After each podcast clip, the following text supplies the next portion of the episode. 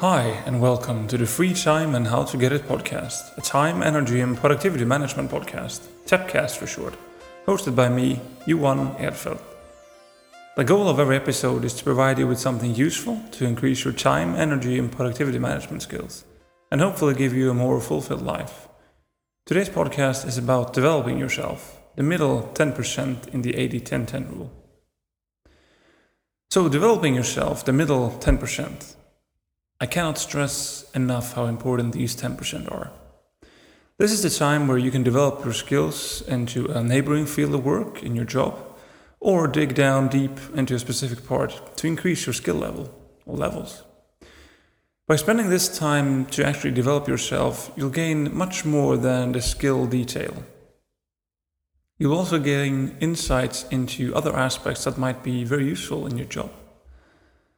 The developing time can take its form in many ways. A good conversation with your colleague during lunch could also be part of that development, that you will first realize a long time after how important it was. Generally speaking, there is a formal and informal ways of developing yourself at your work. The formal way or formal ways takes its form of courses, training programs, workshops, seminars, technical discussions, etc. Training aspects are um, more or less formalized with the structure is usually made up by somebody else and um, that person have a deep knowledge for that subject.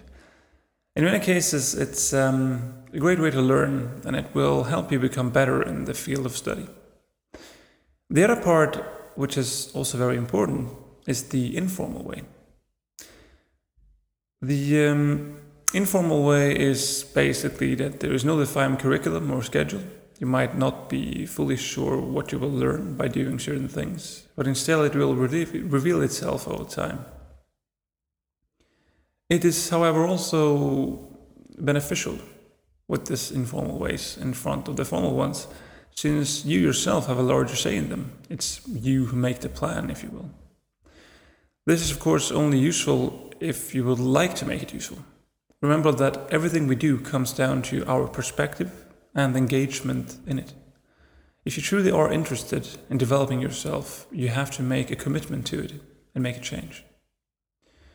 So, why not start by trying to change your perspective on scheduling?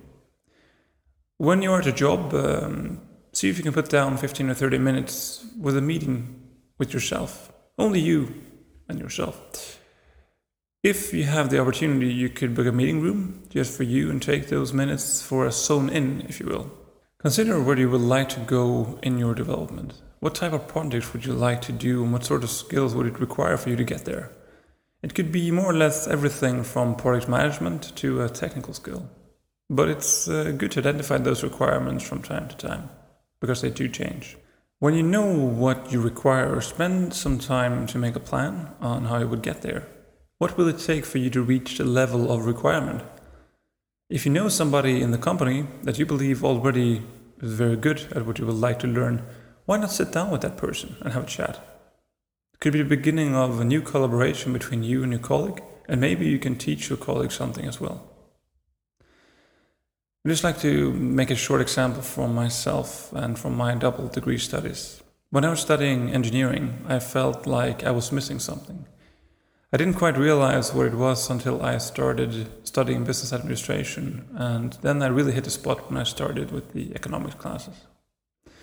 It was like a new world that opened up. All of a sudden, everything started going smoother, also in my engineering studies. It's interesting how more things to do can make you more productive and more focused. These studies were truly developing me and gave me a whole new perspective on the world and was also a big contributor to my professional opportunities. All of a sudden, I could start looking for jobs in different sectors.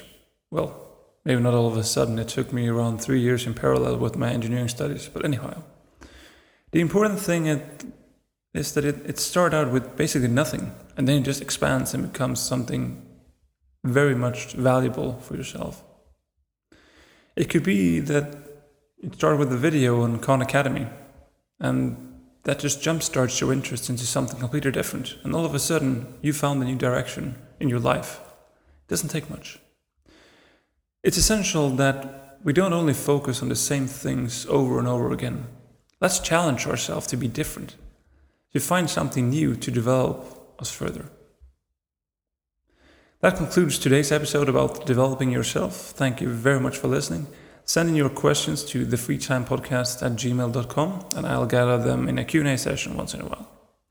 Be sure to check out all my other projects on johanedfeld.com, comment on my free time podcast page on Facebook, listen to my music on Spotify, try out my finance management tool for your household economics, and why not read a poem or two? Download the time map, time schedule, and one year time plan and task manager from johanedfeld.com forward slash downloads. Thank you for listening, and I'll see you next week.